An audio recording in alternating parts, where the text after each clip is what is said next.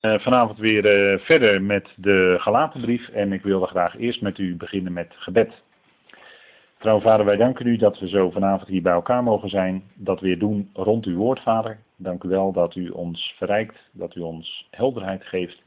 Dank u wel voor de Galatenbrief, waarin zoveel duidelijk wordt, vader. En we zijn nog maar net begonnen en toch horen we dat dat al verhelderend werkt voor mensen, dat het in het hart komt en dat het laat zien hoe het zit met uw genade. En dat uw genade het principe is van deze tijd. Vader, we leven ook in de tijd van het beheer van de genade.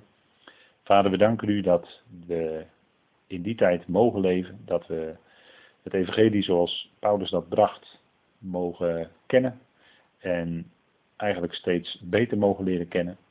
En ook ontdekken dat het alle betekenis heeft voor onze dagelijkse wandel, die ook in uw genade is, Vader. Dank u wel dat we in genade niet alleen geredden zijn, maar dat we ook in genade leven. Vader, u zet ons in dat klimaat.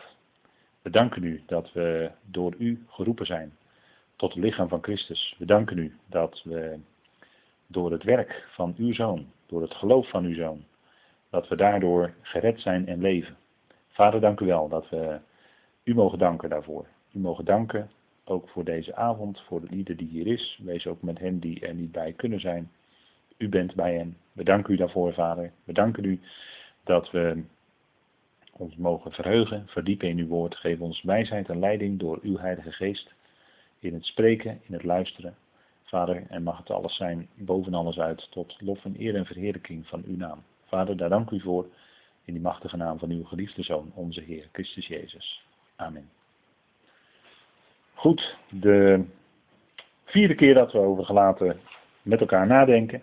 En ik wil een aantal versen met u lezen uit hoofdstuk 1, waar we gebleven zijn. We hebben de vorige keer Galaten 1 tot en met vers 9 behandeld. Dus we gaan vanavond beginnen met Galaten 1 vanaf vers 10. En wij willen daar een aantal versen van overdenken. En ik begin te lezen in vers 10 en ik lees u voor uit de concordante vertaling, zoals we die hebben. En er staat, want overtuig ik nu mensen of God? Of ben ik erop uit mensen te behagen? Indien ik nog mensen behaagde, zou ik geen slaaf van Christus zijn. Want ik maak jullie bekend, broeders, dat het evangelie dat door mij verkondigd is, niet naar de mens is. Want ik nam het nog van een mens aan, nog werd ik erin onderwezen, maar door onthulling van Jezus Christus. Want jullie hoorden van mijn gedrag ooit in het judaïsme dat ik de uitgeroepen gemeente van God bovenmatig vervolgde en haar verwoestte. En ik bracht het verder in het judaïsme dan veel tijdgenoten in mijn geslacht, omdat ik overvloediger dan zij ijveraar was voor de overleveringen van mijn vaderen. Maar toen God, die mij afzonderde vanaf de schoot van mijn moeder en riep, door zijn genade het goed achtte zijn zoon in mij te onthullen, opdat ik hem als evangelie verkondig onder de natieën, legde ik het niet meteen voor aan vlees en bloed. Evenmin kwam ik naar Jeruzalem, naar hen die voor mij apostelen waren. Maar ik vertrok naar Arabië en keerde opnieuw terug naar Damascus. Vervolgens kwam ik na drie jaar naar Jeruzalem om bij Kefas verslag te doen en ik verbleef vijftien dagen bij hem. Buiten de apostelen echter zag ik niemand dan Jacobus, de broer van de Heer. Wat ik jullie nu schrijf, zie voor Gods aangezicht, ik lieg niet. Vervolgens kwam ik in de gebieden van Syrië en Cilicië. Ik was echter onbekend van aangezicht aan de uitgeroepen gemeenten van Judea, die in Christus zijn. Alleen hoorden zij echter, hij die ons vroeger vervolgde, verkondigt nu als evangelie het geloof dat hij vroeger verwoestte. En zij verheerlijkten God in mij. Tot zover dit gedeelte uit de gelaten brief. En we zijn dus bezig bij dat, uh, in dat tiende vers. En ik heb dan, en we hebben net gelezen en dat was een wat historisch verslag eigenlijk zou je kunnen zeggen. Paulus kijkt terug op de begintijd, hoe het met hem gegaan is. Het is een heel persoonlijke relaas en hij uh, vertelt wat er in het begin gebeurd is. En daar maakt hij natuurlijk uh, een aantal bijzonder belangrijke opmerkingen, geleid door de geest van God. om duidelijk te maken dat hij zijn evangelie, en ik zeg expres dat hij zijn evangelie niet ontvangen had van andere mensen, maar dat hij het ontvangen heeft van de Heer zelf. En dat is wel heel belangrijk, dat we dat goed zien. En Paulus maakt dat in dit stukje eigenlijk ook heel erg duidelijk. Hè, dat het, het evangelie is geweest dat hem toevertrouwd is. En dat de Heer zelf aan hem duidelijk heeft gemaakt. En hem opnieuw eigenlijk de schrift heeft laten zien hoe ze werkelijk spreken in alle delen van de Zoon. Hoe ze spreken in alle delen van de heerlijkheid van God. En uh, dat die schriften het zijn die uh, tevoren ook al aankondigden uh, dat de redding door geloof was. Hè. Daar gaat Paulus ook uitgebreid op in, in Galaten 3 bijvoorbeeld. Maar daar zullen wij mogelijk nog wel aan toekomen. Zo de Heer wil. En ehm, eigenlijk kun je boven dit stukje zeggen wat we dan net gelezen hebben, vers 10 tot en met 24. Hoe ging het? als je nou de vraag stelt aan Paulus, nou Paulus, hoe is het jou nou gegaan in het begin? Nou, dan kun je gelaten 1 erop naslaan en daar doet hij dan uitvoerig verslag van. Dus hoe ging dat nou met Paulus? Hij schrijft daarover. En we gaan eerst in vers 10 kijken waarin hij zegt, want overtuig ik nu mensen of God? En dat is wat uh, natuurlijk ontzettend belangrijk is in deze brief ook. Eigenlijk de opmerking mensen of God. En dan is het antwoord natuurlijk voor ons heel makkelijk God. Natuurlijk. Dat is de bron van het evangelie wat hij bracht. Dat is de bron van alle redding. De bron van het heil wat wereldwijd is. En wat uh, Paulus als geen ander ging verkondigen. En uh, wat staat centraal in het evangelie is, en dat hebben we natuurlijk ook bij de Romeinenbrief al uitgebreid gezien. Centraal in het evangelie is niet de mens, maar centraal in het evangelie is God en Christus. Daar gaat het om. Het evangelie maakt bekend wie God is. Het evangelie maakt bekend de gerechtigheid van God. U weet het wel, hè? Romeinen 1, vers 16 en 17. In het evangelie wordt gerechtigheid Gods geopenbaard. Uit geloof tot geloof. Dus dan heb je in feite al waar het om draait. En die gerechtigheid Gods, die wordt om niet toegerekend aan de mens door het geloof van Jezus Christus. We hebben afgelopen zondag ook weer erg duidelijk gehoord uh, uit de Romeinen 3, die geweldige rijkdom, dat de vrijkoping in Christus Jezus is, om niet en in zijn genade. Nou, dat is natuurlijk een geweldig evangelie. Dat is echt goed nieuws. Want dan hangt het helemaal niet meer van de mens af en wat de mens doet of de mens presteert. Nee, dan hangt het helemaal af van wat de zoon doet. En wat de zoon heeft gedaan. Daar hangt het vanaf. En het hangt af allemaal van de opstanding van Christus. Hè? Want dat is natuurlijk uh, het speerpunt van de evangelie. We hebben een opgestane, een levende Heer. Die notabene aan de rechterhand van vader voor ons bidt en pleit. Wat wil je nog meer? Alsjeblieft. Dat is toch, hè, dat is toch iets geweldigs. Nou, centraal in het evangelie, en dat benadrukt Paulus in dit hoofdstuk van Galaten als uh, nergens anders zou ik bijna willen zeggen. Als het gaat om het evangelie, gaat het dan om mensen? Nee, het gaat om God. hij begint vers 1 ook dat hij een apostel is, niet vanwege mensen, daar heb je het weer. Niet mensen dus, maar door Jezus Christus en God de Vader. Dus heb je het weer, hè? Niet de mens, maar door God. En uh, dat is ook wat hij natuurlijk in dit vers zegt, hè? want overtuig ik nu mensen of God. Hij is niet te raden gegaan bij vlees en bloed, zegt hij ook in het stukje wat we gelezen hebben. Vlees en bloed, mensen dus. Is hij niet bij te raden gegaan? Nee, de Heer zelf heeft hem onderwezen. Hij krijgt geestelijk onderwijs van de Heer zelf. En dan zegt hij, want overtuig ik nu mensen of God? Nou, hij was niet bezig met uh, uh, te proberen mensen te behagen.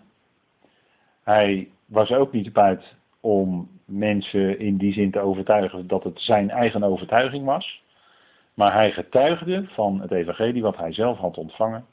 En dat woord wat hij sprak, dat gebruikte God. Hè, hij werd geleid door de geest, hij werd geleid door God. Dat woord wat hij sprak, werd door God uh, gehanteerd, zou je kunnen zeggen, werd door God gebruikt, want dat zijn woorden van geest en leven. Die woorden die hij sprak, die kwamen in de harten van mensen en die overtuigden de mensen. dat is uh, wat in het evangelie staat, is dus God en zijn Christus, God en zijn Messias. Die staan, staan centraal in het evangelie. En laat daar geen enkel misverstand over bestaan. En zo is het ook met het woord zelf wat we lezen, waar we door leven, wat ons leven is in feite, dat woord, nou dat woord van God, hè, de schriften, dat is niet een woord van mensen, maar dat is het woord van God. Dus de Bijbel is geen mensenboek waarin mensen hebben geschreven over hun ervaringen met God. Nee, de Bijbel is openbaring van God die Hij gegeven heeft aan de mens. Dat is een, dat is een heel diepgaand verschil hoor. Dat is het verschil in, in benadering in, uh, in de theologische opleidingen. Uh, in het algemeen, hè, in studies theologie heb ik het dan over. Niet over bijbelscholen, want dat is wat anders. Maar in studies theologie wordt de Bijbel zo benaderd dat het een mensenboek is waarin mensen hun ervaringen over God hebben opgeschreven. En dan is het dus niet meer een openbaring vanuit God naar de mens toe. Nee, dan wordt het gemaakt tot een mensenboek waarin mensen ervaringen hebben gehad met God en dat is dan de mens opgeschreven. En dus is de Bijbel, dat kun je heel logisch dan daarna vervolgen. En dus is de Bijbel een boek waar best fouten in staan. Want ja, het is geschreven door mensen, dus staan er fouten in en tegenstrijdigheden. En zo kom je steeds verder van huis, dat begrijpt u wel. Maar ik hou er gauw over op. Want Paulus die zegt, uh, ben, ik ben geen mens behagen. Hij zegt, ben ik erop uit mensen te behagen? Nou, Paulus niet hoor. Paulus was geen mensenbehagen. Paulus die sprak gewoon het woord wat hij moest spreken. En hij keek niet naar de ogen van mensen.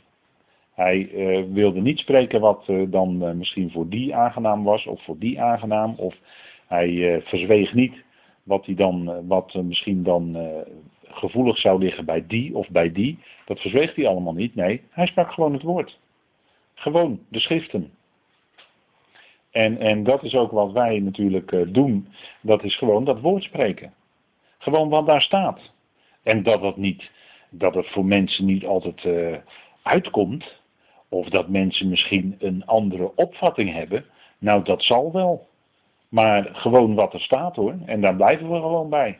Daar kunnen we ook niet van afwijken. Dat kan gewoon niet. Dan raak je het kwijt. Dan raak je het geweldige heil. Dan raak je de genade. Dan raak je op de duur alles kwijt. En uh, die prijs is veel te hoog. Die prijs uh, die betalen we niet. Nee, we houden gewoon dat woord erbij. En we houden het erbij wat er staat geschreven. en, Paulus was ook natuurlijk zo iemand die, ja, hij was fariseer geweest. Geweest zeg ik heel nadrukkelijk. Want hij was wel veranderd hoor. Hij was veranderd op weg naar Damascus. En daarna was hij geen fariseer meer. Vergist u zich niet. Dan kan er wel gezegd worden, hij is opge opgevoed aan de voeten van Gamaliel. Hij had een uh, hoge opleiding gehad, maar dat is een hoge opleiding in het Jodendom hoor. Dat is een hoge opleiding in het judaïsme. En, en dat is nog wat anders dan, dan uh, uh, ja, dat heeft wel met de schriften te maken, uiteraard. Maar het judaïsme is nog wat anders dan de schriften.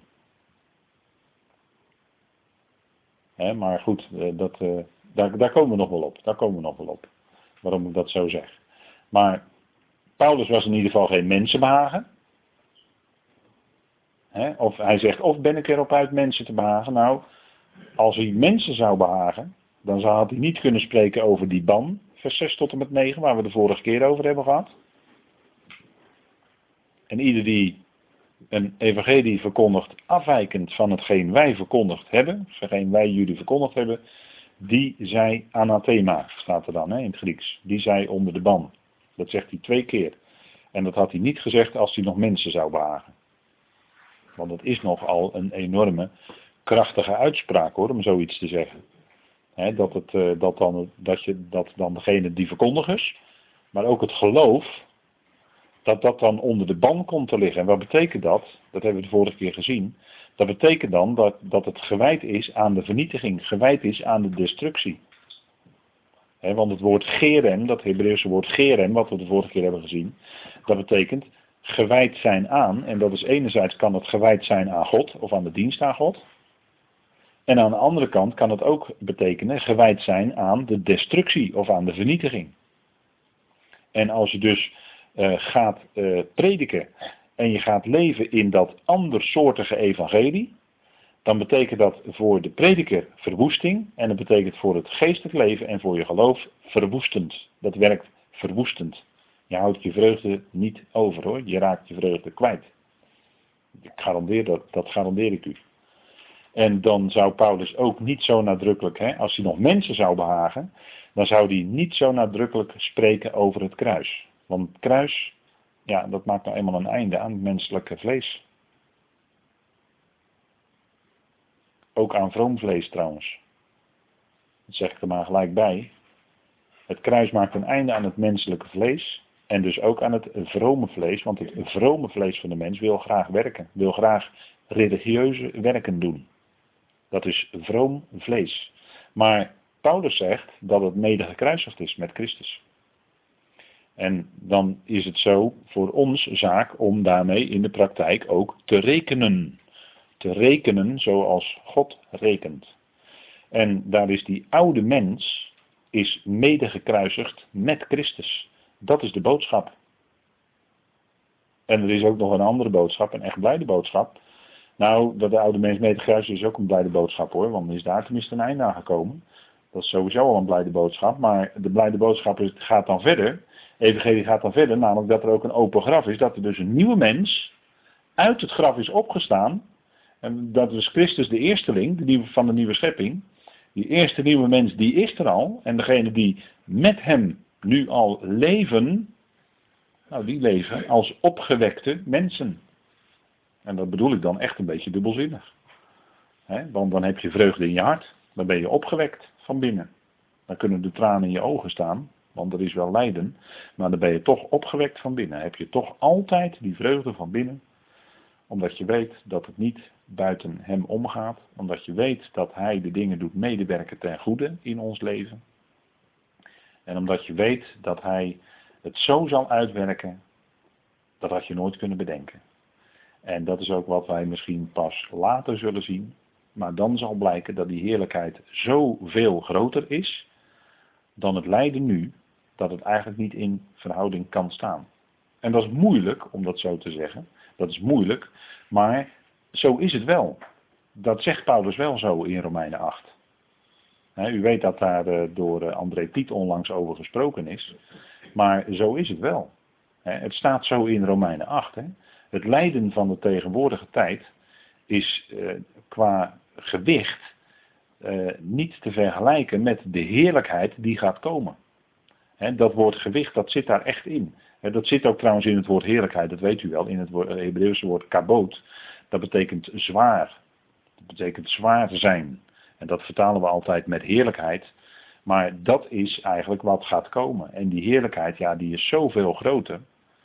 En, en zo schrijft Paulus er ook over in 2 Korinthe 4, hè, dat weet u wel, die bekende versen. Wat het jaarthema is geweest. Nou, daar, daar gaat het ook over die vergelijking tussen het lijden en de verdrukkingen van nu tegenover de, ja, tegenover de alles overstijgende heerlijkheid die gaat komen. En dat gewicht van die heerlijkheid is zoveel groter dan het lijden nu. Ja, daar hebben we dus helemaal geen idee van. omdat wij het lijden van nu vaak als zwaar en moeilijk ervaren. Maar niettemin eh, spreekt het evangelie erover dat die heerlijkheid geweldig is, hè, die gaat komen. Nou, dat is na het kruis, hè. Dan heb je die opstanding, de opwekking, de heerlijkheid. En als Paulus eh, nog mensen zou willen behagen, dan zou die ook niet zo nadrukkelijk en indringend spreken over genade. Want genade, eh, dat is een moeilijke boodschap voor de mens. Waarom is dat een moeilijke boodschap? Dat is moeilijk omdat de mens dan niet zelf meer iets kan doen. Hij kan namelijk niet meer zelf iets in rekening brengen. En dat is de valstrik van het kruis, zegt Paulus in Galaten 5. Dat is de valstrik van het kruis van Christus. Dat maakt een einde aan alle religieuze streven, alle religieuze willen, alle religieuze doen van de mens. Daar maakt genade gewoon een eind aan. Want genade, dat wil zeggen, ja, je krijgt het gratis voor niets. Hoef je er niets voor te doen? Nee, hoef je niets voor te doen. Het is al gedaan, het is al volbracht. En, en dat blijft voor onze levenswandel, want daar gaat de gelaten brief eigenlijk over. Voor onze levenswandel blijft het genade. Want dan haal ik er gewoon Filippenzen 2 bij. dat God het is die in ons werkt, zowel het willen als het werken naar zijn welwagen. Dat betekent dus dat het genade is. Wat wij nog willen en wat wij nog kunnen werken in de dienst aan God is dus genade. Want hij bewerkt het in ons. En dat is helemaal niet een zaak om dan passief op een stoel te gaan zitten afwachten. Wel nee, je bent gewoon actief bezig in de dienst aan hem. Je dient hem actief elke dag. In de, gewoon in omstandigheid waar je bent. Daarin dien je hem. En, en dat is dan zijn genade, die hij jou schenkt. Dat je dat zo kunt doen. En dus is er niet, niet iets van jouzelf bij, wat jij zelf moet doen. Nee, het is zijn genade in je. En ja, dat maakt je natuurlijk blij van binnen, dat kan niet anders. Maar als Paulus nog mensen zou behagen, dan zou hij zeggen, uh, ja, je moet eigenlijk, hè, nu heb je dit gehoord, maar nu moet je eigenlijk dit doen. En nu moet je eigenlijk dat doen. En dan moet je eigenlijk die opdracht gaan vervullen. Dan, dan ben je mensen aan de baren, want dan spreekt de mensen aan. Ze kunnen iets doen. Ze, hè, ze kunnen doen wat de spreker zegt. Ze kunnen die opdracht uitvoeren die de spreker meegeeft voor de komende week. Begrijpt u? En, en dat spreekt aan, dan ben je mensen aan het wagen. Want de mens die wil wel iets doen hoor. Maar genade zegt, nee, wacht even. Ik ben het die het doet. Ja, en dan wordt het lastig, want dan kun jij zelf niks meer in rekening brengen. want stel je nou voor dat jij doet wat die spreker zegt, hè, jij voert dan die opdracht uit in die komende week, dan heb je aan het eind van die week een goed gevoel, want je hebt die opdracht uitgevoerd. Snap je? Dan, dan, dan heb jij, dan heb u, dan heb ik het gedaan. Dan kun je zeggen, ja, ik heb die opdracht vervuld de afgelopen week. En dan kom je met een goed gevoel weer in de volgende samenkomst op zondag. Maar zo is het dus niet met genade. Genade is, er is gewoon helemaal een einde gemaakt aan, je, aan jou als oude mens. En wat nu is opgewekt uit het graf, is die nieuwe mens in Christus Jezus. En die, hè, dat leven, leeft Christus door jou heen uit. Maar dan is dus niet meer jij, maar Christus leeft in mij. Dat is ook precies wat de Galatenbrief, ben ik weer terug bij de Galatenbrief. Galaten 2 vers 20. Het is niet meer ik, dus het is niet meer dat oude ik. En het gek is, toch leef ik, maar dat is niet meer ik, maar Christus leeft in mij. Dat is het evangelie. Begrijpt u? Maar dan is het oude ik wel weg. En in de praktijk weten we wel, dat zeggen we dan wel eens, in de praktijk moet het oude ik afgebroken worden. Ja, dat weet ik wel. En dat gaat ook zo, dat is er dan ook een proces. Maar in essentie is voor God dat oude ik weggedaan. En dat wij er in de praktijk in ons leven nog wel eens last van hebben, ja. Ja. En dat God dat dan ook nog zelfs gebruikt in ons leven, ja, inderdaad, klopt, gebruikt hij ook. Om ons ootmoedig te houden. Want opdat wij ons niet te zeer zouden verheffen. Paulus was ook een doorn in zijn vlees gegeven. Opdat hij zich niet al te zeer zou verheffen. Maar begrijp dat in essentie het geldt voor de gelovigen, wat in Galaten 2 vers 20 staat. Het is niet meer ik, maar Christus leeft in mij. En voor zover we nu nog leven, leven we door het geloof dat van de Zoon van God. Let op, let u op wat er staat. Dat van de Zoon van God. Dat staat er hè, in Galaten 2 vers 20 en 21. Begrijpt u? Dus dan is het helemaal, en dan blijft het dus ook helemaal voor onze levenspraktijk, voor onze wandel, blijft het zijn geloof. En dan zeg ik, wat is dat geweldig hè? Dat het zijn geloof blijft. Dat het ook weer niet van jou afhangt, want anders ga je weer proberen erg te geloven. Ja, dat, dat klinkt al zo, ik ga proberen en jij, hou maar op. Dan ben je weer aan het verkeerde einde bezig. Nee, het is zijn geloof die het in ons uitwerkt. Nou, dat is natuurlijk de geweldige boodschap van de genade. En dat evangelie, ja, daar willen we toch graag bij blijven. Mensen of Christus, hè? Want Paulus zegt, indien ik nog mensen behaagde, zou ik geen slaaf van Christus zijn. Nee, dan zou hij ook slaaf van mensen zijn. Daarom maakte hij tenten? Paulus was tentenmaker. Dat was een uh, behoorlijk werk, want ja, kijkt u maar eens naar zo'n Bedouinentent. Nou, dat, uh, dat, had je, dat is flink handwerk hoor. En dat deed dat samen gezellig met uh, Prisca en Aquila in Korinthe. Ik denk dat het heel gezellig was zo, met z'n drieën lekker tent te maken. Dan over het evangelie nadenken met elkaar. Nou, ik denk dat dat prima, hè? Paulus, de tentenmaker. Nou, indien ik nog mensen behaagde, zegt hij, zou ik geen slaaf van Christus zijn. En waarom zeg ik dat nou dat hij tenten maakte? Nou, hij voorzag gewoon in zijn eigen levensonderhoud. Dus daarin was hij niet afhankelijk van mensen.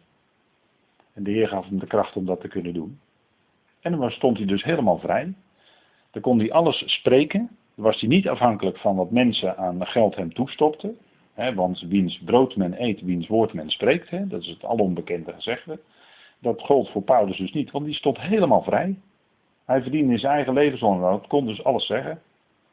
Hoeft ook geen mensen die hem veel geld gaven naar de ogen te kijken. Nee hoor, hij kon gewoon vrij uit het evangelie spreken zoals God hem dat gaf te spreken. Nou, dat is natuurlijk geweldig. Dat is ook genade. En eh, dan, hij was dus geen slaaf van mensen, nee, was slaaf van Christus. Hij was Christus eigendom. hij was uh, degene die, uh, die het uh, in zijn leven aangaf wat hij te doen kreeg, was Christus zelf. Die leidde hem op de weg. hij was een doelos, dat is een dat is het woord wat toen gebruikt werd. En uh, het beeld wat erin zit is natuurlijk die van de slavenmarkt, waarin iemand dan uh, langs de slaven liep en dan zegt, uh, nou die wil ik wel hebben, die werd dan voor betaald. En er was voortaan van, van die heer dan, die werd dan heer over die slaaf. En die heer was, die slaaf was dan het lijfeigene van die heer. Dus die slaaf moest alles doen wat die heer zei. Zo, zo lag dat in die tijd. Hè. Nou dat beeld gebruikt Paulus dan, als hij dat woord slaaf gebruikt. En dan, uh, ja goed, hij was, uh, hij was eigendom van Christus geworden. En uh, vanaf dat moment had Christus het in zijn leven voor het zeggen. En, en was het zijn, zijn, hè, was zijn eigendom. Nou, dat is denk ik wat eigenlijk, ja, eigenlijk voor ons ook geldt in zekere zin. Hè. We zijn zijn eigendom. En vervolgens heeft hij het voor het zeggen in ons leven. Dus dat is, uh, maar bij, bij Paulus was het natuurlijk uh, een, een, bijzonder punt. Hè, dat hij, uh, wat hij sprak, het evangelie dat hij bracht, daarin was hij een slaaf van Christus.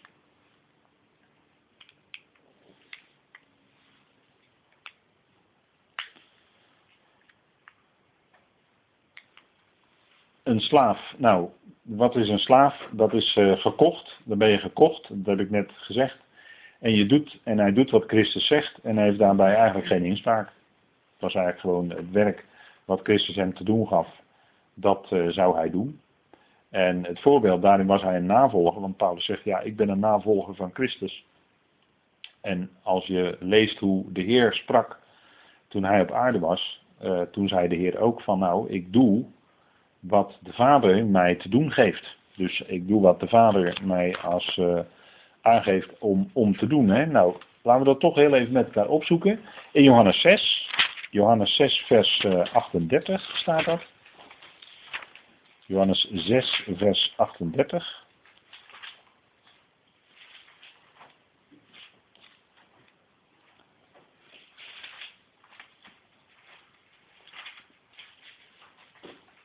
En dan zegt hij, want ik ben uit de hemel neergedaald. Johannes 6, vers 38. Want ik, dat zegt de Heer Jezus dan, hè.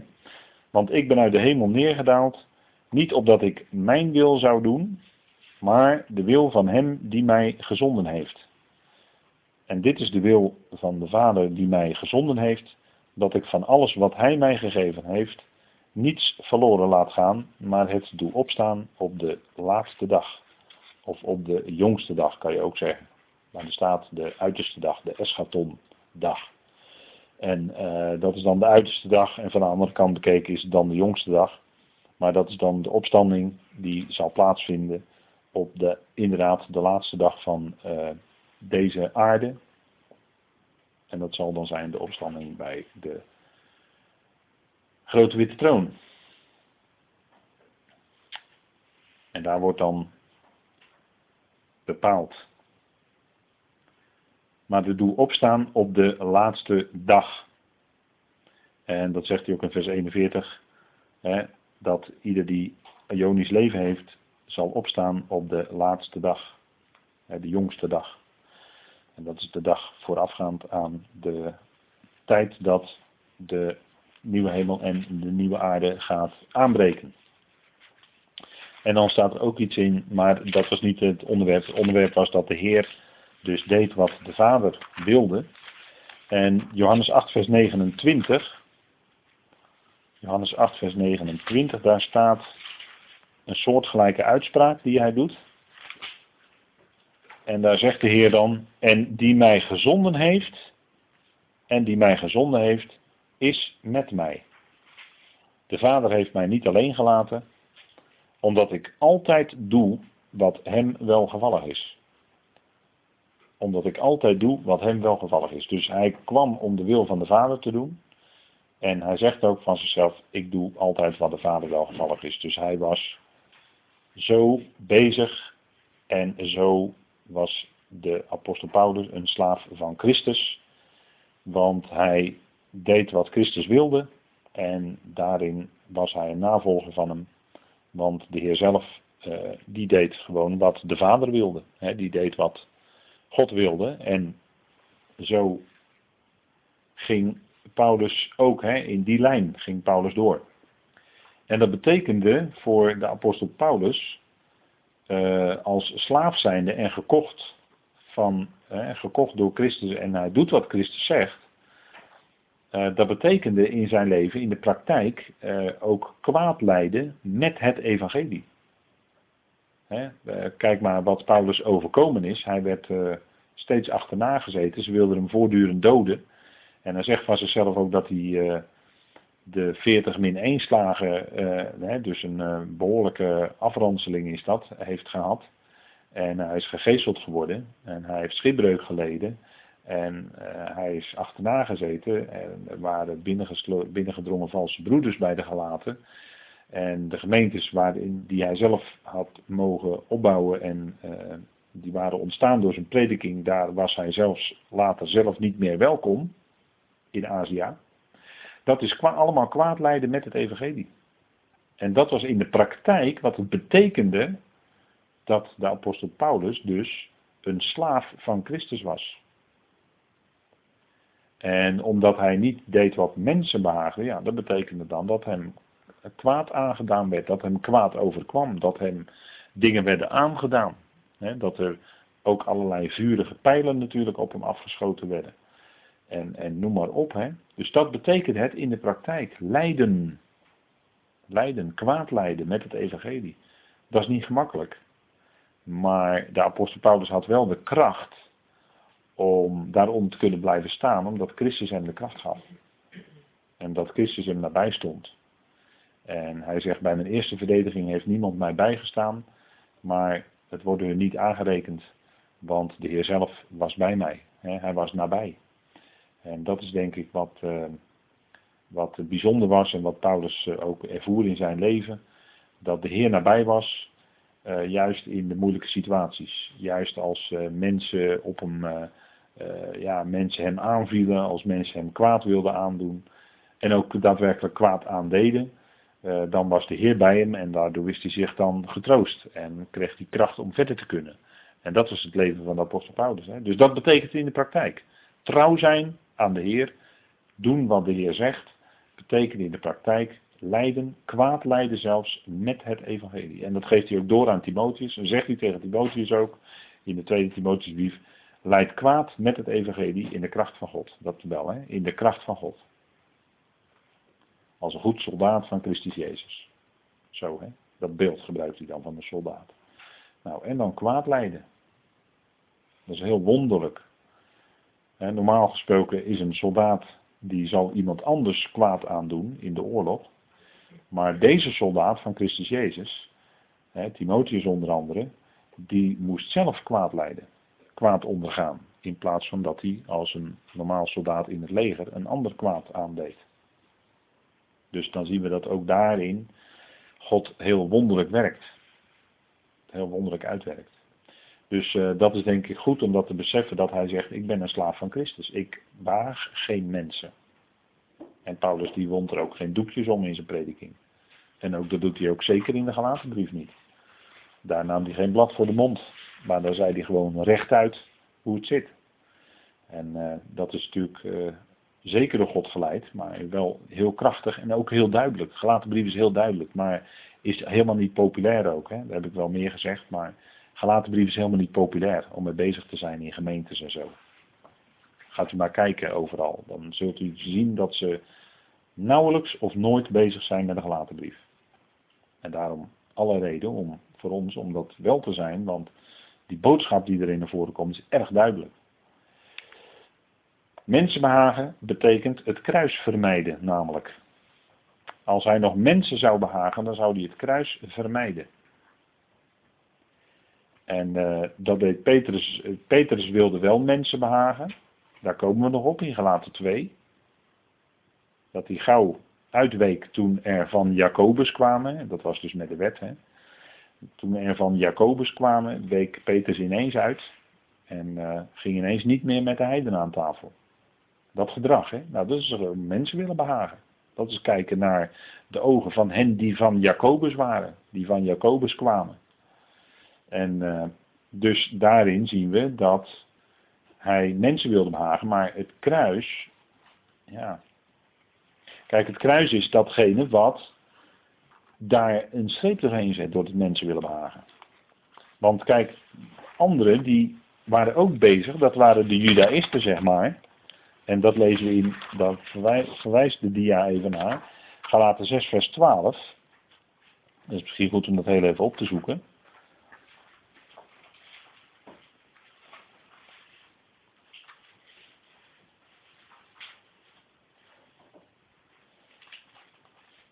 Galaten 6 vers 12.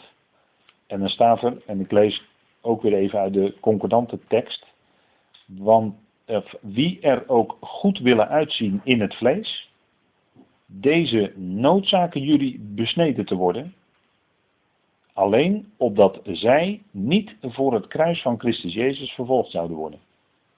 Ziet u, dus zij keken naar anderen, zij keken waarschijnlijk naar fanatieke judaïsten en daarom wilden zij het liefst dat die gelaten zich lieten besnijden, opdat zij op hun beurt niet vervolgd zouden worden voor het kruis van Christus Jezus. Dus zij wilden liever die uit de besnijdenis behagen, dus liever mensen behagen, dan dat zij vervolgd zouden worden voor het kruis van Christus Jezus. Want het kruis van Christus Jezus, dat maakt namelijk een einde aan deze oude schepping, aan de oude mens. En in de nieuwe schepping maakt het helemaal niet meer uit of je besneden bent of onbesneden, want daar telt het vlees helemaal niet meer. En ook dus niet de verschillen in het vlees, die zijn dan helemaal weg. Dus dan gaat het er helemaal niet meer om of je wel of niet besneden bent hè, in de nieuwe schepping. Nou, dus uh, dat zegt hij in vers 15 namelijk, van hoofdstuk 6. Want in Christus Jezus is nog besnijdenis iets, nog vooruit, maar een nieuwe schepping. Ziet u? Dus het maakt dan niet meer uit of je besneden bent of niet. Nee, het gaat erom of je nieuwe schepping bent in Christus Jezus. Die geestelijke nieuwe schepping. Daar gaat het om. Dus het gaat niet om verschillen in het vlees. Maar het gaat om de eenheid in de nieuwe schepping. En dat is, dat is natuurlijk de uitwerking ook van het kruisen. En, en Filippenzen 3, vers 18 is ook een bekende tekst in dat verband. Daar weent Paulus. Paulus heeft tranen in zijn ogen als hij dit zegt. Hij weent daarover dat velen wandelen als vijanden niet van Christus, maar zij wandelen als vijanden van het kruis van Christus. Daar ligt de nadruk op in die zin. Velen wandelen als vijanden van het kruis van Christus. En dat heeft dus met deze dingen te maken, die we nu bespreken. Dat zij graag zich goed willen voordoen in het vlees. Dat zij graag mensen willen behagen. Dat, uh, dat christenen of gelovigen, hoe moet ik het zeggen, dat zij graag rituelen willen doen. Uh, al dat soort zaken. Maar dat gaat allemaal dus door het kruis opzij. En uh, vele, daarom zegt Paulus, vele wandelen, dat zei hij dus al in zijn dagen toen hij nog leefde. Dan zei hij al, vele wandelen als vijanden van het kruis van Christus. En dat, dat is dus, hè, omdat dat kruis van Christus maakt een einde aan het religieuze. Aan het vrome. En, en dat is, de, de, dat is de, ook de valstrik van het kruis. Hè? Nou, daarom zegt Paulus deze dingen. En daarom spreekt hij ook nadrukkelijk in de Galatenbrief. Regelmatig komt dat terug, dat thema. Over het kruis, de uitwerking van het kruis. Want daar zit, ja, dat is wel een mooie uitdrukking, dat verband. Daar zit de crux. En de crux is gewoon een ander woord voor kruis. Eigenlijk, hè. Maar daar zit dus de crux. Daar, dat, is, uh, dat is waar het om draait. Kruis is het, is het snijpunt op de, op de oude en de nieuwe schepping. En, en daar is de, hè, dat is met al die religie, dus met al die dingen zo. Het, het heeft allemaal te maken met de, de, de gevolgen van uh, de uitwerking van het kruis. En uh, ja, Paulus die behaagde geen mensen, want als hij dat zou doen, dan zou hij namelijk het kruis vermijden. Dan zou hij uh, dat, dat kruis dan in de praktijk, in, de, in zijn werking in de praktijk, niet accepteren. He, dat, en dat zijn hele ernstige, serieuze, eh, diep serieus ernstige geestelijke dingen. Die dus uh, daarmee te maken hebben. Dat, dat laat Paulus zien hè, in, in, uh, in de gelaten brief. Nou, ik denk dat het goed is om dat, op dit punt ook vast te stellen. Hè. Hij behaagt geen mensen. Ja, dat is uitwerking van het kruis. Denk erom. En dan zegt hij, want ik maak jullie bekend, broeders, vers 11. Let op dat ik, hè. Dat is niet een, dat is niet een ik van hier ben ik. Maar dat is een ik van uh, die slaaf van Christus, hè. Die ik. De slaaf van Christus. Ik, als slaaf van Christus. Maak jullie bekend, broeders. Dus Paulus onthulde geheimenissen. Hij zegt hier, ik maak jullie bekend. Dit maakt Petrus dus niet bekend. De, deze, dit soort dingen zul je niet bij Petrus vinden. Hoe, uh, hoe wij Petrus ook kunnen achten en waarderen. Ook een apostel, jawel, maar van de besnijdenis. Met een andere roeping, met een andere boodschap. Uh, en Paulus was toch heel bijzonder, want Paulus onthulde allerlei geheimenissen. Hij mocht allerlei geheimenissen van de Heer bekendmaken. En daarom spreekt hij ook over mijn evangelie. Heel nadrukkelijk, hè? Dat doet hij maar liefst drie keer in zijn brieven. Dat kun je niet bagatelliseren. Dat kun je niet kleineren. Dat hij nadrukkelijk spreekt over mijn evangelie. Daarin maakt hij onderscheid, niet om zichzelf, uiteraard niet om zichzelf op een voetstuk te plaatsen, maar hij maakt onderscheid in het evangelie wat hij bracht en het evangelie wat de twaalf brachten. Daar gaat het dan om. En daar onderscheidt hij dus die boodschap die hij zelf ontvangen had en doorgaf als een uniek evangelie, wat dus niet eh, past in die andere boodschap en andersom ook niet. Die andere boodschap van de besnijdenis past niet in het evangelie wat Paulus bracht. Dus mijn evangelie, het staat er drie keer, we hebben het in Romeinen ook laatst ook nog behandeld aan het eind van hoofdstuk 16. U ziet de tekstverwijzing in Romeinen 2 vers 16, 16 vers 25 en hij zegt het nog een keer in 2 Timotheus 2 vers 8. Dan heb je het ook nog in de gevangenschapsbrief.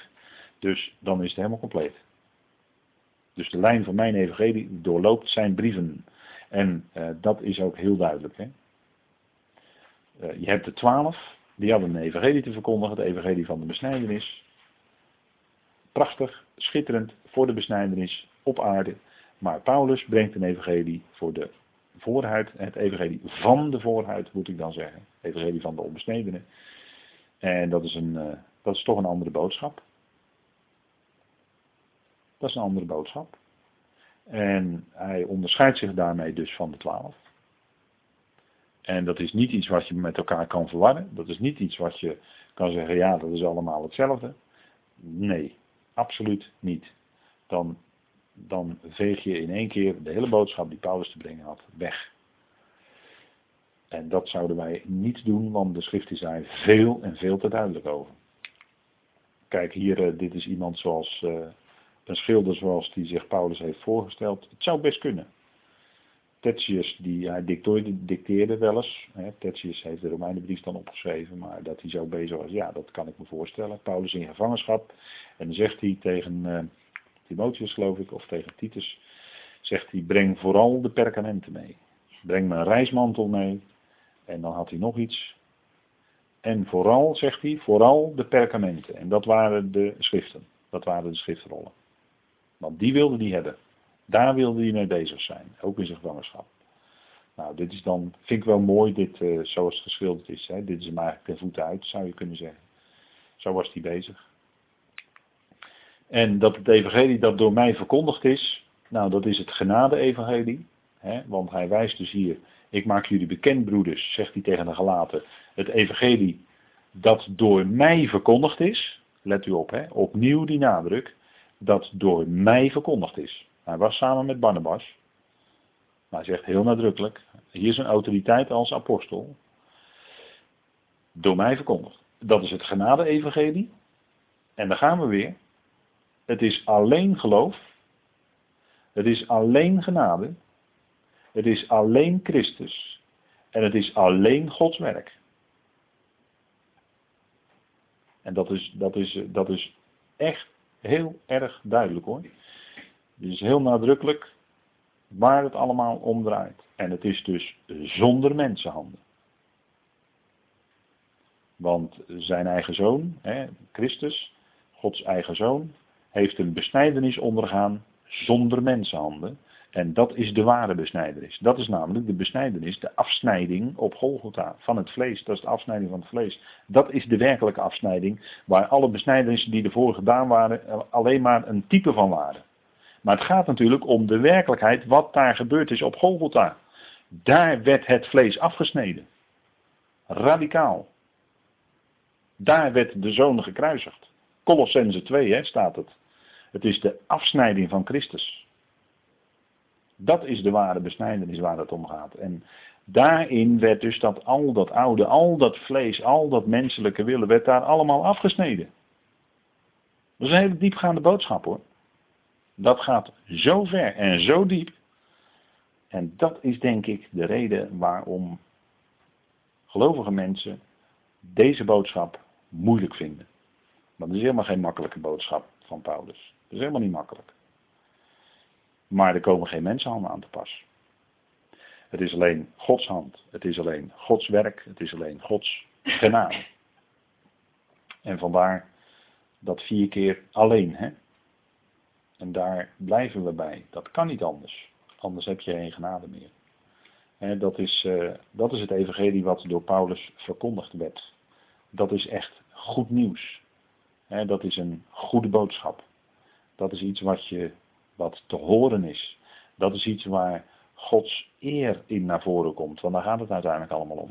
Dat is waar in God geëerd wordt. Het is Gods werk. Het is geen werk van mens. Het is zijn werk. En zijn werk blijft ook staan. Zijn werk vergaat niet. Hij laat nooit varen het werk van zijn handen. Hij laat niet los wat zijn hand begon. Het is allemaal zijn genade, het is zijn werken. En dat is waar we ook bij zouden blijven. En, en dat is, dat dan, dan is het ook een boodschap waar je op kunt staan. Dat is waar je niet in wegzakt. Dat is wat je ook niet teleurstelt. Het evangelie van de genade gods stelt nooit teleur. Maar het zal je altijd blijven bemoedigen. Het zal altijd nieuwe kracht geven. Dat is waar het om gaat. Hè? Nou, daarom zo heel nadrukkelijk en ernstig dat het alleen om deze dingen gaat. En het evangelie, want dat zegt Paulus ook, dat evangelie wat er verkondigd is, is niet naar de mens. Daar gaan we weer. Hè? Het is niet in overeenstemming met de mens. Het is niet zoals mensen graag willen, of zoals mensen het graag zouden zien. Dat wil zeggen, het is geen religie. Het is geen menselijke inspanning. Het is door het kruis. En het is met een open graf. Geweldig. Pasen. Het zit er weer aan te komen. Hè? Maar we vieren het hele jaar Pasen toch? Eigenlijk. Hè? We vieren toch elke dag eigenlijk de opstanding van Christus. We leven toch elke dag met de genade van de opgestane Heer. Dat is gelukkig niet afhankelijk van één dag in het jaar hoor, waarop we Pasen vieren en heel mooi zingen dat uh, gans Jeruzalem uh, verheugd was enzovoort enzovoort. Uh, dat zingen we niet op één dag van het jaar, dat zingen we het hele jaar door. Wat zullen we nou krijgen? We hebben het hele jaar door toch gewoon een opgestaande Heer, die leeft toch gewoon het hele jaar door. We zijn toch niet afhankelijk van één feest per jaar waarin we de opstanding gedenken, alsjeblieft zeg. Nee, dat is het kruis en het open graf, dat is gewoon het hele jaar door. Dat is 365 dagen per jaar. En dat, dat is natuurlijk een machtige boodschap, dat is een machtige evangelie. Er zit alles in, in de kern. Maar de uitwerking is zo bijzonder en die wordt in de diepste zin bij de apostel Paulus bekendgemaakt. En uh, dat is ook dus niet, ja, dus ik weet het is negatief gesteld, het is niet zelfheiliging, maar dus niet zelf, dat bedoel ik dan eigenlijk, hè, niet zelfheiliging, nee, hij, hij heiligt en reinigt de gemeente. Dat is zijn werk. Die voetwassing, die deed hij zelf bij zijn discipelen. Dat is daar een type van. In de opperzaal. In Johannes 13. Maar dat is een type van het werk wat hij nu doet. Werkelijk geestelijk aan de gemeente. Namelijk, Efeze 5 zegt dat. Dat hij heiligt en hij reinigt de gemeente. Dat is zijn werk. En, dat, daar, daar zouden we ook bij blijven. Nou, niet dus zelfheiliging. Want dan kom je in de krampen. Degenen die het geprobeerd hebben, weten, weten uit ervaring wat ik zeg. Als je jezelf gaat proberen te heiligen, kom je in een vrome kramp. En vroeg of laat zak je er verschrikkelijk doorheen. Daar kan ik u hele sterke voorbeelden van noemen. Zal ik niet doen, maar ik kan ze noemen. Dus het is niet zelfheiliging, maar het is, hij doet dat. En, en dat, is, dat is het geweldige. Hè? Hij zegt, want ik nam het, daar gaan we weer hoor, niet van de mens. Ja, dat is toch het thema wat hij hier te pakken heeft en dat trekt hij door. Hij zegt, want ik nam het nog van een mens aan, dus niet van Petrus, die een visserman was. En toen, uh, toen hij dacht dat, uh, ja, toen hij dacht dat het misschien voorbij was, zei hij, nou ik ga weer vissen. Weet u wel? Ja. En toen ving hij niks. En toen kwam de Heer en die zei, joh, ze hadden de hele nacht niks gevangen. Die zei, joh, gooi maar aan de andere kant uit dat net. En toen ving hij er 153. Leuk hè? Nou, 153 is leuk, maar goed, daar gaan we nu niet op in. Maar toen ving hij ineens 153, toen zat het net bestens vol. Bastens vol. En uh, dat was Petrus. Maar Paulus, die was niet in de leer geweest bij Petrus of Jacobus. En hij had het, uh, hij, had dus niet, hij was dus niet in de leer geweest bij het evangelie van de besnijdenis. Maar hij had zelf een evangelie ontvangen, een boodschap ontvangen van de Heer. En daarmee ging hij op pad en ging hij verder. Dus Paulus is niet iemand die bij Petrus of Jacobus in de leer is geweest. Nee, hij heeft het echt van de Heer zelf ontvangen. Hij had het niet van Petrus aangenomen. En dat gaat hij ook laten zien in dit hoofdstuk. Het is een historische verslag. Dat is heel belangrijk hoor, want dan laat hij zien dat hij dus niet van in de begintijd niet bij Peters is gegaan van joh, ik heb deze boodschap ontvangen. En klopt dat allemaal wel? Nee, helemaal niet. Hij heeft alleen aan Peters een aantal keren heeft hij hem kort ontmoet en heeft hij doorgegeven, dit verkondig ik, klaar, dit is het. En, en niet, niet Peters goedkeuring, nee, gewoon dit verkondig ik. Dus, nou, en dan gaat hij verder, nog werd ik erin onderwezen. Dus zegt hij, daarmee zegt hij eigenlijk dat niemand van de besnijdenis hem onderricht had gegeven, hem had onderwezen.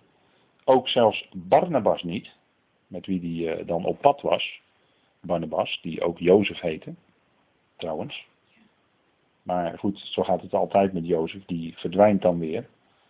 Jozef die komt naar voren, maar die verdwijnt ook weer. Elke keer hè, in de Bijbel. Je vergeet hem ook steeds, Jozef. Maar uh, Jozef betekent namelijk toevoeger. Jozef komt op, dan voegt hij iets toe en dan verdwijnt hij weer. Zo was het ook met deze, deze Jozef. Hij uh, betrok, uh, hij moest uh, Saulus erbij betrekken. Dus hij voegde Saulus als het ware toe. En toen verdween hij weer. Op een gegeven moment. Van het, ik zou bijna zeggen van het toneel, maar zo, zo erg was het ook weer niet. Want het ging niet om toneelspel natuurlijk. Maar Paulus, Saulus, Paulus kon zeggen, ik ben er niet in onderwezen door iemand anders. Niet door de mens in ieder geval, wel door de Heer, door Christus zelf natuurlijk. Daar had hij rechtstreeks onderricht van ontvangen, maar niet, niet van mensen. Dat bedoelt hij als hij zegt, nog werd ik erin onderwezen. En dan zegt hij, wat was er dan wel? Hij zegt, door onthulling van Jezus Christus. En dat woord onthulling is hier natuurlijk belangrijk. U ziet hier een foto bij dat er een, uh, op een gegeven moment een standbeeld wordt onthuld. Hè. Daar zit er eerst dus een doek overheen. En die bedekt dat standbeeld. En als dat doek dan wordt weggenomen, dan wordt dat standbeeld onthuld. Dan wordt de omhulling weggenomen. En dat betekent het woord ook precies. Dat betekent eigenlijk vanaf dekken. Dus wat het bedekt, dat wordt weggenomen. En dan zie je wat het is. En zo kreeg uh, de apostel uh, Paulus, uh, toen hij nog Saulus was, onthulde, openbaarde, onthulde moet je het zeggen, de Heer zich aan hem op weg naar Damascus. En hij zei tegen Saulus van, ik ben Jezus die jij vervolgt. Dus het is door onthulling van Jezus Christus. En later onthulde de Heer natuurlijk nog meer dingen aan hem. dat is bij diverse gelegenheden gebeurd. En uh, dat woord onthulling en onthullen gebruikt Paulus ook regelmatig in zijn brieven. En, en wat wordt daarin mede uh, duidelijk?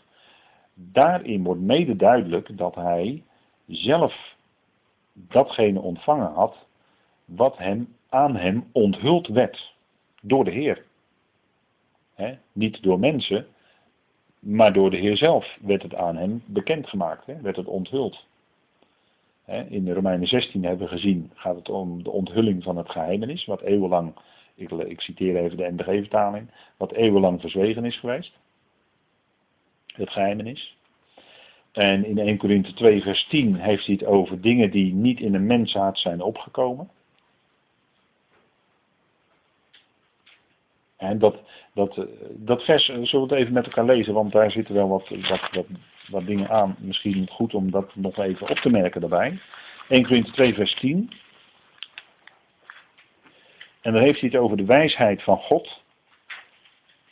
En dat was uh, aan de ene kant wat verdrietig voor de apostel, want hij sprak met een wijsheid van God die, uh, die hij eigenlijk niet hij sprak over een wijsheid van God die hij eigenlijk niet aan de Corinthiërs kwijt kon. Waarom niet? Omdat de Corinthiërs nog, ja, als ik het heel rechtuit zeg, nog kleine kinderen waren in het geloof. En omdat de Corinthiërs uh, zo kinderachtig bezig waren. Zo waren ze bezig. Ze waren nog onmondigen. Paulus zegt, jullie zijn nog vleeselijk, nog onmondigen in Christus. Daarmee zegt hij eigenlijk dat ze nog kleine kinderen zijn. En daarom kon hij die wijsheid, waar hij in 1 Korinthe 2 over spreekt, daarom kon hij die wijsheid niet aan die Corinthiërs bekendmaken. Jullie zijn nog vleeselijk. Wat zat er dus in de weg bij de Corinthiërs? Het afgesneden vlees. Precies, het, het vlees. Het vlees zat bij de Corinthiërs in de weg. Hè? Want hij zegt, jullie zijn nog vleeselijk. Terwijl hij net daarvoor had gezegd, hè, dat zegt hij in hoofdstuk 3, jullie zijn nog vleeselijk, jullie wandelen nog naar de mens. En in hoofdstuk 2, wat we nu gaan lezen, zegt hij, ik kon die wijsheid van God bij jullie niet bekendmaken. Met andere woorden, het vlees zat in de weg. Bij de Corinthiërs. Dat is wel een logische conclusie, hè? Maar zo leer je wel, als je zo kijkt, dan leer je wel geestelijk denken. En geestelijk tegen dingen aankijken dus hij zegt, wij spreken een wijsheid, vers 7, 1 Corinthië 2 vers 7. Wij spreken echter de wijsheid van God als een geheimenis, die verborgen was, en die God voor de eeuwen, dus voor de eonen, voorbestemd heeft tot onze heerlijkheid. 1 Corinthië 2 vers 7. En dat is een wijsheid die niemand van de leiders of van de oversten van deze wereld gekend heeft. Immers, als zij die, die wijsheid, gekend hadden, zouden zij de Heer der heerlijkheid niet gekruisigd hebben. Notabene, hè? als ze dat geweten zouden hebben, zouden ze hem niet gekruisigd hebben. Maar het is zoals geschreven staat, en dan citeert de apostel uit Jezaja, wat geen oog heeft gezien, en wat geen oor heeft gehoord en wat in geen mensenhart is opgekomen, is wat God bereid heeft voor hen die Hem liefhebben. Aan ons echter heeft God het geopenbaard door zijn geest en de geest immers onderzoekt alle dingen, zelfs de diepten van God. Want wie van de mensen kent de dingen van de mens dan de geest van de mens die in hem is? Zo kent ook niemand de dingen van God dan de geest van God. En wij hebben niet ontvangen de geest van de wereld, maar de geest die uit God is, opdat wij zouden weten de dingen die ons door God genadig geschonken zijn. En dat is wat, en dat is die boodschap die Paulus aan de Corinthiërs niet kwijt kon. Hij zegt, God heeft ons zijn geest gegeven en dit is opdat wij die dingen zouden verstaan, opdat wij die dingen zouden gaan begrijpen, verstaan, bevatten, maar dat dan, uh, dan is het wel zaak dat wij ook die woorden, die boodschap willen ontvangen. Tenzij er iets in de weg zit. Dan kan je het niet ontvangen. Als je iets wil ontvangen, maar er zit iets in de weg, kun je het niet ontvangen. En bij de Corinthiërs zat dus het vlees in de weg.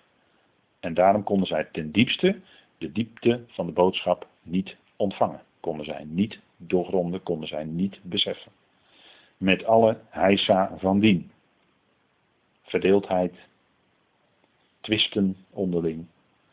Allerlei vragen die de apostel stelden van hoe moet ik nou daarmee omgaan in de praktijk? Hoe moet ik nou hiermee omgaan in de praktijk? Wat moet ik nou daarmee in de praktijk? Wat moet ik nou met dat detail in de praktijk? Het is allemaal uitingen van kind, kinderachtig bezig zijn als gelovige.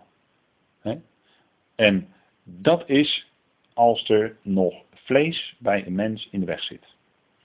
En daarom kan het best zijn dat God in ons leven processen inzet die ervoor zorgen dat het vlees wat nog in de weg zit om die boodschap te ontvangen, om de diepte van de boodschap te ontvangen. Ik heb het totaal niet over of je wel of niet geroepen bent tot het lichaam van Christus, daar heb ik het helemaal niet over. Maar om de diepte van die boodschap die de apostel bracht, echt die diepte te leren kennen, daarvoor moet eerst het vlees opzij. En dat is de werking van het kruis. En daarom zet God bij gelegenheid in ons leven proces of processen in die ervoor zorgen dat het vlees inderdaad opzij gaat. En uh, dat was bij de Corinthiërs natuurlijk ook aan de hand. En vandaar al die onrust in die gemeente. En vandaar al het, ik zou zeggen, vandaar al het gedoe bij die Corinthiërs. Want er was heel veel gedoe, laat ik het zo maar zeggen. En uh, daarom spreekt Paulus in, in, uh, in deze verse ook die ernstige woorden. En heeft hij het dan ook direct over uh, geestelijk-vleeselijk. Zijn geloven nog vleeselijk, dan zijn ze niet in staat om de diepte van de boodschap van de apostel Paulus te ontvangen. Zijn ze geestelijk, kunnen ze het wel verstaan. Dat zegt Paulus hier in dit hoofdstuk allemaal hoor. Dus hij zegt het wel, alleen de Corinthiërs waren daar niet erg bevattelijk voor in het algemeen.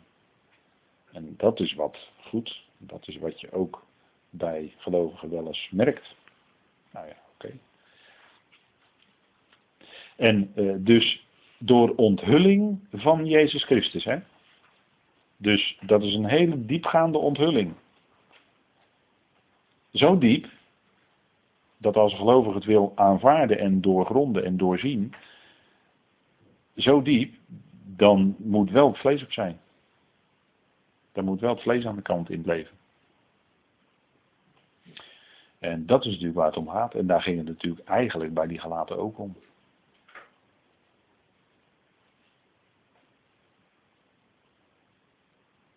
En uh, dat is wat Paulus uh, ook uh, herhaalt. Hè. In 2 Korinthe 12 gebruikt hij ook dat woord onthulling. Hè, dat hij onthullingen had ontvangen van de Heer. Dat hij zich daar eventueel op zou kunnen beroemen. Doet hij niet hoor. Kijk, ook dat kan weer vleeselijk zijn. Dat klinkt misschien heel raar, maar mensen kunnen zich soms beroemen op hun ervaringen. Of op hun geestelijke ervaringen. En dan zeggen ze dat ze zich er niet op beroemen, maar ze zeggen het aan iedereen die het maar horen wil. En dat is eigenlijk toch zich erop beroemen hoor dan. En eigenlijk is dat ook een stukje eigen eer. Want dan zeg je eigenlijk, ik heb die ervaring gehad. Maar Paulus had ook ervaringen gehad, maar die liet er niet mee te koop. Nee. Nee, die liep te koop, bij wijze van spreken, met het evangelie wat hij te brengen had. En zijn eigen ervaringen, heel erg op de achtergrond. Daar zou hij misschien met sommigen wel eens een keer over praten. Maar niet elke keer naar voren brengen. Wel nee, dat evangelie wat hij te brengen had, dat was veel belangrijker. Niet zijn persoonlijke ervaringen. Dat is voor iedereen weer anders hoor. Iedereen heeft weer andere ervaringen. Prima, niks mis mee. Maar eh, als het in de plaats komt van het brengen van dat evangelie, ja, dan, wordt het toch, dan gaat de schoen wel een beetje wringen. Laat ik het zo maar zeggen. Hè? Maar kijk, en dat is ook wat hij in Galaten 1 vers 16 zegt. Dat die zoon van hem, de zoon van God, moest in Paulus onthuld worden. Dus de oude Saulus moest opzij. En wie moest er naar voren komen? De zoon van God. En dat is ook uh, uh, wat je ziet in uh, Galaten 2 vers 2. Nou, Efeze 1, ik heb u, op deze dia staan allerlei teksten. Loopt u ze maar eens na op uw gemak thuis. Hè, als u daar dat, dat wil nalopen. Dan ziet u steeds dat hij spreekt over onthulling. Dat hem door onthulling bekendgemaakt is. En dat is dan de onthulling die de Heer aan hem gaf. En niet door mensen. Dat benadrukt hij heel erg in dit stukje. Hè. Nou, dat is uh, denk ik goed om uh, maar eens even uh, wat, wat koffie bij te drinken, denk ik. Om er nog eens over na te denken.